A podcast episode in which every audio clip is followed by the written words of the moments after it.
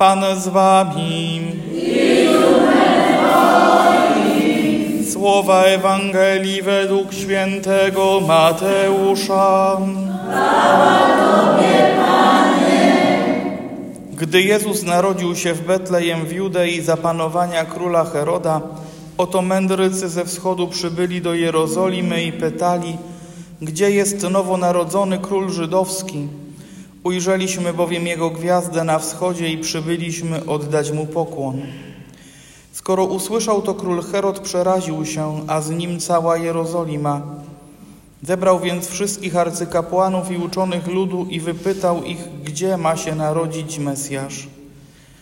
Ci mu odpowiedzieli w Betlejem Judzkim, bo tak napisał prorok, a ty, Betlejem, ziemią Judy, nie jesteś zgoła najlichsze spośród głównych miast Judy, albowiem z ciebie wyjdzie władca, który będzie pasterzem ludu mego Izraela.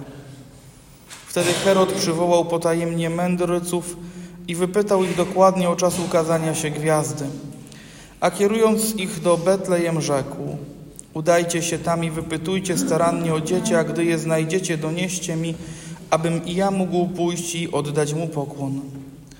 Oni zaś wysłuchawszy króla ruszyli w drogę. A oto gwiazda, którą widzieli na wschodzie, szła przed nimi, aż przyszła i zatrzymała się nad miejscem, gdzie było dziecię. Gdy ujrzeli gwiazdę, bardzo się uradowali. Weszli do domu i zobaczyli dziecię z matką i jego Maryją, upadli na twarz i oddali mu pokłon. I otworzywszy swe skarby, ofiarowali mu dary, złoto, kadzidło i mirrę. A otrzymawszy we śnie nakaz, żeby nie wracali do Heroda, inną drogą udali się do ojczyzny. Oto słowo Pańskie.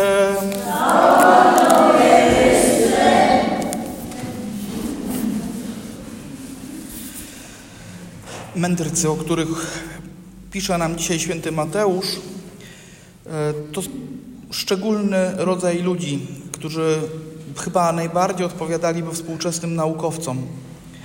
To byli ludzie, którzy z otwartym umysłem badali świat, spoglądali w niebo i dostrzegali to, czego inni zdawali się nie dostrzegać. Kiedy więc dostrzegli nową gwiazdę, kiedy zrozumieli jej znaczenie, wyruszyli w drogę, aby dopełnić swojego poznania, ale też, co zaznacza wyraźnie ewangelista, by oddać pokłon temu, który się narodził. I nawet jeśli w tym pierwszym takim y, przemyśleniu, które pojawiło się u nich, poszukiwali króla żydowskiego, nowonarodzonego króla, władcy y, ziemskiego, w końcu trafiają do Heroda, y, to jednak w całej postawie, która towarzyszy im potem od Heroda w drodze do Betlejem, jest już pewnego rodzaju gotowość na przyjęcie większej prawdy. Ci, którzy podpowiedzieli, że w Betlejem ma się narodzić Mesjasz, być może zasygnalizowali, że nie chodzi o króla takiego jak wszyscy inni, których być może mędrcy spotykali w swoim życiu już wielokrotnie. I to, co gdzieś zwraca uwagę, to kiedy wreszcie dotarli do Betlejem, kiedy znaleźli dziecię złożone w stajni, kiedy zobaczyli Maryję, Józefa i całe okoliczności, które towarzyszyły narodzeniu się Jezusa, nie zatrzymali się na tym obrazie. Oni upadli na twarz i oddali mu pokłon. Właściwie rzecz biorąc, okazali mu szacunek większy niż okazywać zwykło się królom. Oddali mu szacunek tak głęboki, jak tylko jest możliwe. W całej tej postawie upadania na twarz jest y, ukryta taka wielka mm, pokora, wielka, y, wielkie takie doświadczenie swojej małości wobec tego, przed kim się staje. Z drugiej strony jest w tej postawie upadania na twarz ukryte takie głębokie e, zaufanie do tego, przed kim stajemy, bo przecież w tej postawie, w tej pozycji jestem najbardziej bezbronny, a tutaj oddaję się temu, który przede mną stoi. Wiadomo, tutaj mędrcy stają przed małym dzieckiem. Nie, nie, spodziewa, nie można się spodziewać nawet po ludzku, że te małe dziecko wyrządzi nam jakąś krzywdę. Ale w tej postawie zawarta jest głęboka cześć, cześć taka, jaką człowiek jest winien Panu Bogu. I cała historia mędrców uczy nas o tym, że człowiek, który jest zdolny rozpoznać istnienie Boga, który jest zdolny pójść za tym rozpoznaniem, e, w końcu swojej drogi gdzieś staje przed Panem Bogiem w pełni pokory i głębokim uwielbieniu. I to jest pytanie, które być może trzeba sobie dzisiaj postawić.